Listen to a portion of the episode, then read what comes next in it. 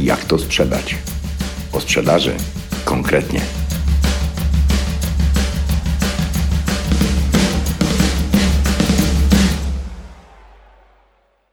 Jak zwykle, bohatersko walczymy z problemami, które w większości wywołujemy sami. W gospodarce rynkowej ceny towarów i usług ciągle się zmieniają. Jedne rosną, inne spadają. To naturalne na rynkach konkurencyjnych. O inflacji mówimy wtedy, kiedy mamy do czynienia z powszechnym wzrostem cen, a nie z podwyżkami dotyczącymi tylko niektórych dóbr. Inflacja powoduje, że z czasem wartość pieniądza spada. Stajemy się biedniejsi. Inflacja w maju wyniosła prawie 14%. 8% z tego to inflacja bazowa, czyli bez żywności i energii. To mniej więcej w połowie zrobiliśmy to sobie sami. Pozostała część to już efekt radosnych decyzji obywatela MM i jego jaszczębia. Winni są zawsze inni. Inflacja jest spowodowana przez pandemię, przez zerwane łańcuchy dostaw, przez Unię Europejską, przez opłaty środowiskowe, przez spekulacje na rynkach surowców, przez to, że kazali nam odchodzić od węgla, a przecież staramy się, tylko nie wyszło jak zwykle. Przez za drogą energię, nie z naszej winy. No, Tusk maczał w tym palce. Wszystkie europejskie komisje. Niemcy, huragany w Stanach i przez plagę wstonki w Wietnamie. A na koniec powód najważniejszy. Putinflacja. No, tego nikt nie podważy. Winni są zawsze inni. Nie, to nieprawda. To nie Marsjanie wywołali niekontrolowaną inflację. Inflacja rodzi się zawsze z tego samego powodu. Zbyt dużej ilości pieniądza na rynku w stosunku do dóbr, dostępnych dóbr materialnych i usług. O ile kryzys pandemiczny rzeczywiście wymagał zasilenia rynku dodatkowymi pieniędzmi, które w konsekwencji stały się czynnikiem inflacyjnym, to cała reszta to tylko bajki opowiadane przez ludzi, którzy nie podjęli działań prewencyjnych w odpowiednim czasie. Dlatego wskaźniki inflacji, którą wszyscy odczuwamy, są tak wysokie. Winni są zawsze inni. My się staramy, ale wszystko się na nas uwzięło. Powodów może być kilka. Po prostu nie wiedzą, co zrobić. Lub boją się konsekwencji politycznych. Lub po prostu rządzącym się to opłaca. Pewne jest jedno. Słuchać jaszczębia nie warto, ponieważ on nie zgadza się ze samym sobą z dnia poprzedniego. Jaszcząb to jaszcząb. Ma mówić jedno, a robić drugie. A tak na marginesie. Putinflacja dopiero do nas przybywa. Prawa inflacji to drażliwy temat. Z jednej strony to A. Czysta matematyka i ekonomia. B. Tak zwany czynnik społeczny. I C. Polityczny interes rządzących. Miks tych trzech czynników należy brać pod uwagę, wprowadzając działania zmniejszające skutki inflacji. Ważne są proporcje tych trzech czynników. Koniec końców i tak koszty inflacji poniesiemy my, czyli czynnik społeczny. Bogaci muszą być mniej bogaci, średni będą mniej średni, a biedni, biedni będą mieli kłopoty największe. Tąpnięcie inflacyjne w naszym wydaniu jest znacznie wyższe niż średnia europejska, a co gorsze będzie trwało dłużej. Właśnie z tego powodu, że jest niekontrolowane, a z miksa trzech czynników okazuje się, że najważniejszy jest trzeci polityczny. Niepokojące jest to, że kłamliwi i wrodzy eksperci twierdzą, że będzie dużo gorzej, zanim zacznie być lepiej. Inflacja nabierze rozpędu w trzecim kwartale, ale to twierdzą nasi wrodzy eksperci. Natomiast nasi wróżbici ekonomiści są innego zdania. Wróżbici ekonomii z Turcji na przykład przy wskaźnikach inflacji na poziomie 20% twierdzili, że od teraz będzie spadać. Hmm, a dziś Turcja jest niekwestionowanym liderem w inflacyjnych zawodach 70%. Jak ma się to do sprzedaży? Sprzedaż dóbr materialnych i usług nie zatrzyma się. Cały czas będzie trwała, ale w większości branż przebiegać będzie inaczej niż dotychczas. Trudniej. Dlaczego? Bo w konsekwencji wszyscy będziemy wydawać mniej. Skoro inflacja budzi się wtedy, kiedy ilość pieniędzy zwiększa się w stosunku do dostępnych dóbr i usług, to aby trend zmienić, musimy dotrzeć do sytuacji odwrotnej, gdzie ilość pieniędzy na rynku zacznie maleć w stosunku do dostępnych dóbr materialnych i usług. Po prostu musimy zbiednieć. Cokolwiek opowiada pan MM wraz ze swoim jaszczębiem, Winni temu będą oczywiście inni, ale tego, że musimy zbiednieć, czy tego chcemy, czy nie, tego Jaszcząb i MM nie powie. A co mówi? Hm, że wszystkim pomoże. Chorym, zdrowym, emerytom, przedsiębiorcom, górnikom, lekarzom, łysym, owłosionym, kobietom, mężczyznom, dzieciom, wszystkim. Dla każdego znajdzie się jakaś tarcza. I tu koło się zamyka. Panie premierze i drogi Jaszczębiu, nie podniesiecie wiadra, w którym stoicie. Dane GUS o sprzedaży wyglądają optymistycznie. Pierwszy kwartał około 20% wzrostu. W kwietniu podobnie. Ale GUS nie tłumaczy już, że porównuje okres rok do roku, czyli zamrożenie pandemiczne porównuje z dniem dzisiejszym. I bęc, statystyki wyglądają bardzo dobrze. Nie martwimy się. Jeżeli dane statystyczne pomęczysz odpowiednio długo, pokażą ci dokładnie to, czego chcesz. Sprzedaż generalnie będzie spadać i spada, bo musi. Inaczej się nie da. Aby inflacja zaczęła spadać, musi zmniejszyć się po prostu popyt, czyli musimy kupować mniej. Wszyscy. I będziemy. Ponieważ mając większe kwoty inflacyjnych pieniędzy, mniej towarów za nie kupimy. Musimy zbiednieć. Jeśli pada deszcz, to jest mokro. I nawet jeśli biegając cały mokry po deszczu wrzeszczysz, że jest super, bo spodziewałeś się większego deszczu, nie zmienia to faktu, że jesteś mokry i nie wiadomo z czego się cieszysz. Przed deszczem można się zabezpieczyć, aby tak bardzo nie zmoknąć, ale trzeba przewidywać pogodę lub słuchać tych, którzy potrafią prognozować. My zamiast przewidywać, mówimy, że to nie nasza wina i dzielnie walczymy z deszczem. Po fakcie, będąc mokrymi od stóp do głów.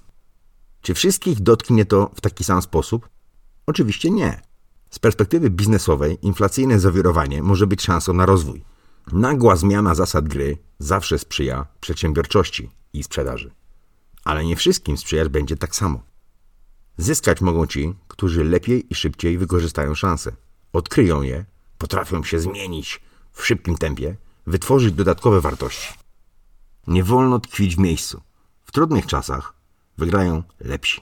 Po prostu ci, którzy zawirowanie rynkowe potraktują nie jako czyjąś zemstę na sobie, tylko jako szansę. Co robić na kurczącym się rynku? Bardziej niż zwykle dbać o jakość, obojętnie na jakim poziomie cenowym i bardziej niż zwykle obserwować rynki i klientów. Jeżeli butów, okien będzie się sprzedawało mniej, a będzie, to jednak ten mniejszy popyt też trzeba zaspokoić i ci, którzy są lepsi, lepiej zorganizowani, bardziej przewidujący i kreatywni, mają szansę nawet rosnąć szybciej niż na stabilnych rynkach. Stabilne rynki i spokojne czasy usypiają czujność. Nie trzeba się za bardzo starać, rośnie sobie jakoś samo. Przykład. Pewien klub fitness odczuł zmiany rynkowe. Mniej klientów. A ci co są, kupują tańsze karnety na krótszy czas i jakoś mniej pieniędzy zostawiają w barze. Ale okazuje się, że w mieście tym, w którym działa klub, pojawiło się kilkadziesiąt tysięcy nowych mieszkańców. A więc szybko zatrudniono trenerów z Ukrainy, skonstruowali ofertę specjalną dla przebywających w mieście Ukraińców w języku ukraińskim, zawierającą pewien myk marketingowy, dzięki któremu pomysł zaczął napędzać się sam. Kampania ruszyła i w niecałe dwa tygodnie ponad 300 nowych klientów wykupiło karnety.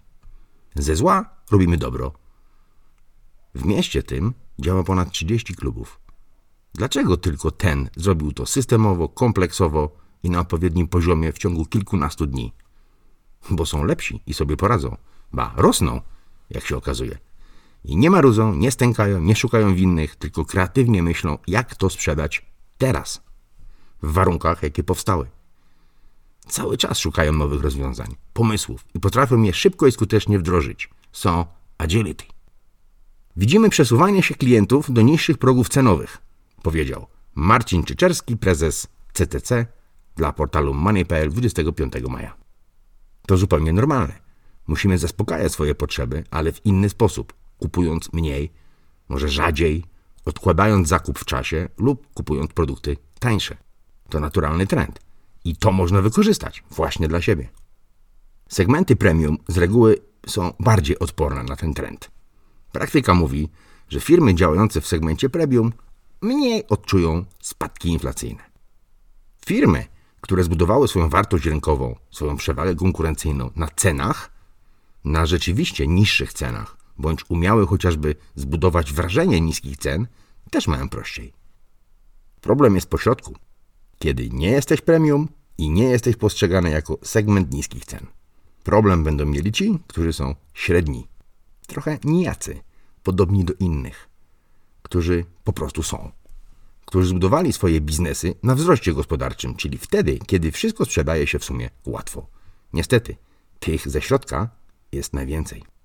Bo jeśli co roku wszystko rośnie, klienci są, to usypiamy czujność, wierząc, że tak będzie cały czas. I to jest założenie błędne. Tak nie będzie cały czas. Zmienić się może wszystko. I najważniejszym elementem biznesowej układanki jest to, co zrobisz, jeśli właśnie się zmieni. Co zrobisz? Czy wiesz, co zrobić? Jeśli klientów ubywa, lub jeśli są, ale kupują mniej, liczy się precyzja i dokładność. Umiejętność wykorzystania każdej szansy sprzedażowej. Przykład. Firma sprzedająca produkty, powiedzmy, mocno techniczne przez internet. Ale żeby je kupić, klienci muszą zadzwonić, a obsługa telefoniczna precyzuje co, za ile, na kiedy i tym podobne. Z danych wynikało, że dziennie dzwoni około 90 osób, a transakcji dokonuje się średnio 35. Świetnie, to daje około miliona złotych przychodu na fajnej marży. Wszyscy zadowoleni. Powtórzę.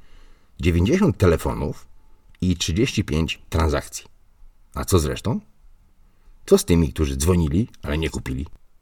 Tu należało przyjrzeć się dokładnie procesowi sprzedaży. Po kilku dniach podsłuchiwania rozmów pojawiło się rozwiązanie.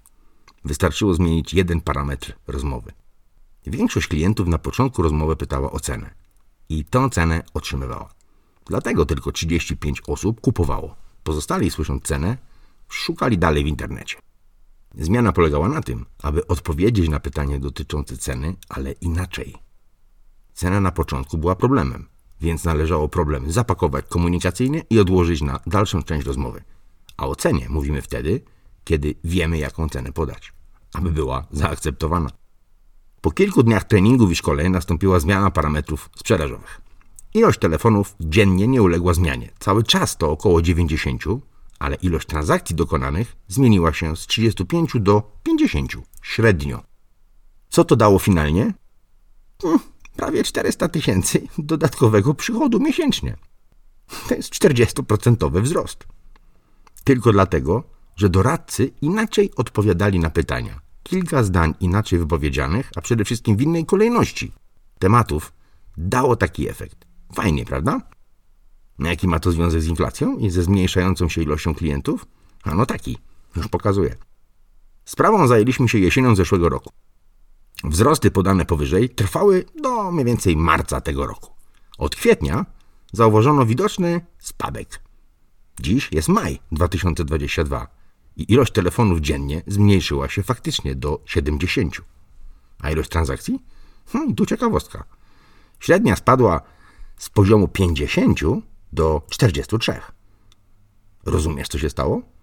Ich obecne kryzysowo-inflacyjne spadki w efekcie dają i tak o wiele większe przychody niż przed zmianą schematu rozmowy handlowej.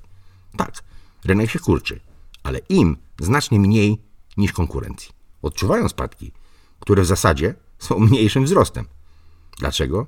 Bo jako firma są sprawniejsi, lepsi, dokładniejsi, przez to bardziej bezpieczni, są precyzyjni i skuteczni.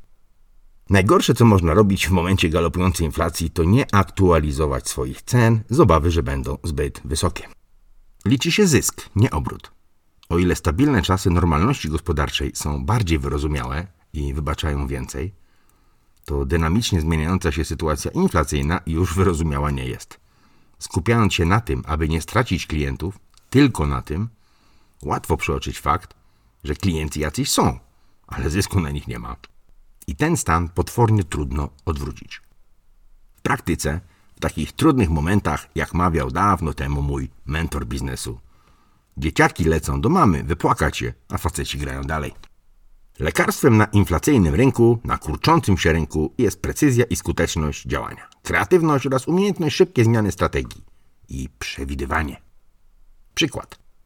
Pewien znajomy dealer samochodowy, marki powiedzmy średnia wolumenowa półka, mniej więcej w połowie 2020 roku, w czasie zamrożenia pandemicznego, zaczął na potęgę skupować z rynku pojazdy używane przede wszystkim swojej marki. Współpracownicy, zarząd, szef finansowy byli przeciwni. Co pan robi? Ale prezes postawił na swoim. Hm, dziś istnieje tylko dzięki temu, że dwa lata temu właśnie podjął taką decyzję. Jak na to wpadł? Już wtedy słychać było o problemach z dostawami podzespołów, a to oznacza, że będą problemy z dostępnością nowych aut. Obserwował i analizował, jaki wpływ będą miały na gospodarkę pierdyliony wydrukowanych i sztucznie wpuszczonych na rynek pieniędzy. No, będzie inflacja. Złączył te dwa wątki i kilka innych i podjął decyzję o skupie z rynku pojazdów własnej marki. I tak powstał park samochodowy na kilkaset sztuk. Dziś sprzedaje od ręki dostępne kilkuletnie pojazdy z zyskiem, który jest nie do uwierzenia. Okazuje się, że dajmy na to sześcioletni Volkswagen Golf zdrożał między rokiem 2020 a 2021 o 19%, a pomiędzy rokiem 2021 a 2022 o 21%.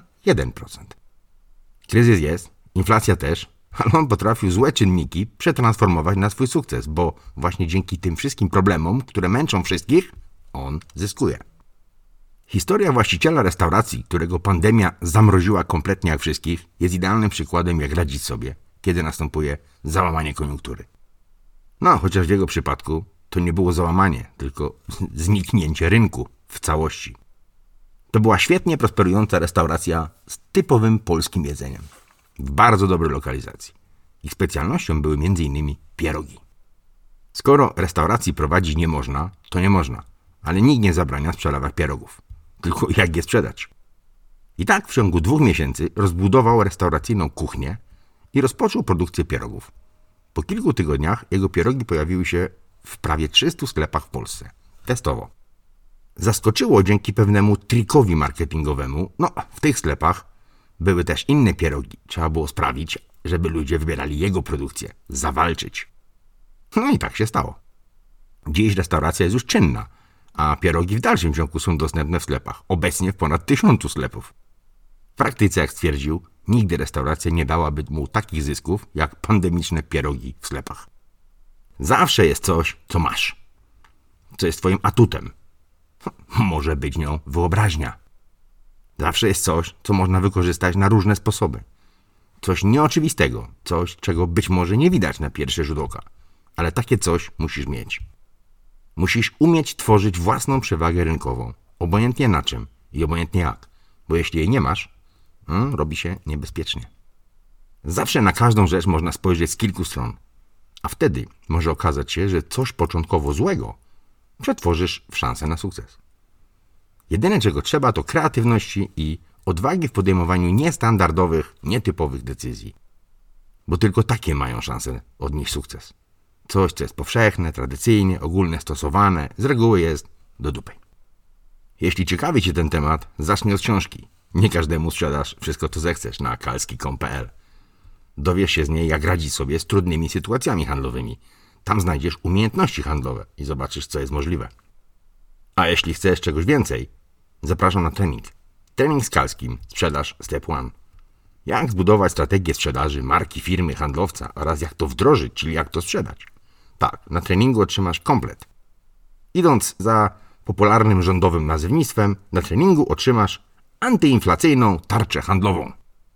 Więcej na kalski.pl ukośnik trening. W takim razie do przeczytania i do zobaczenia być może.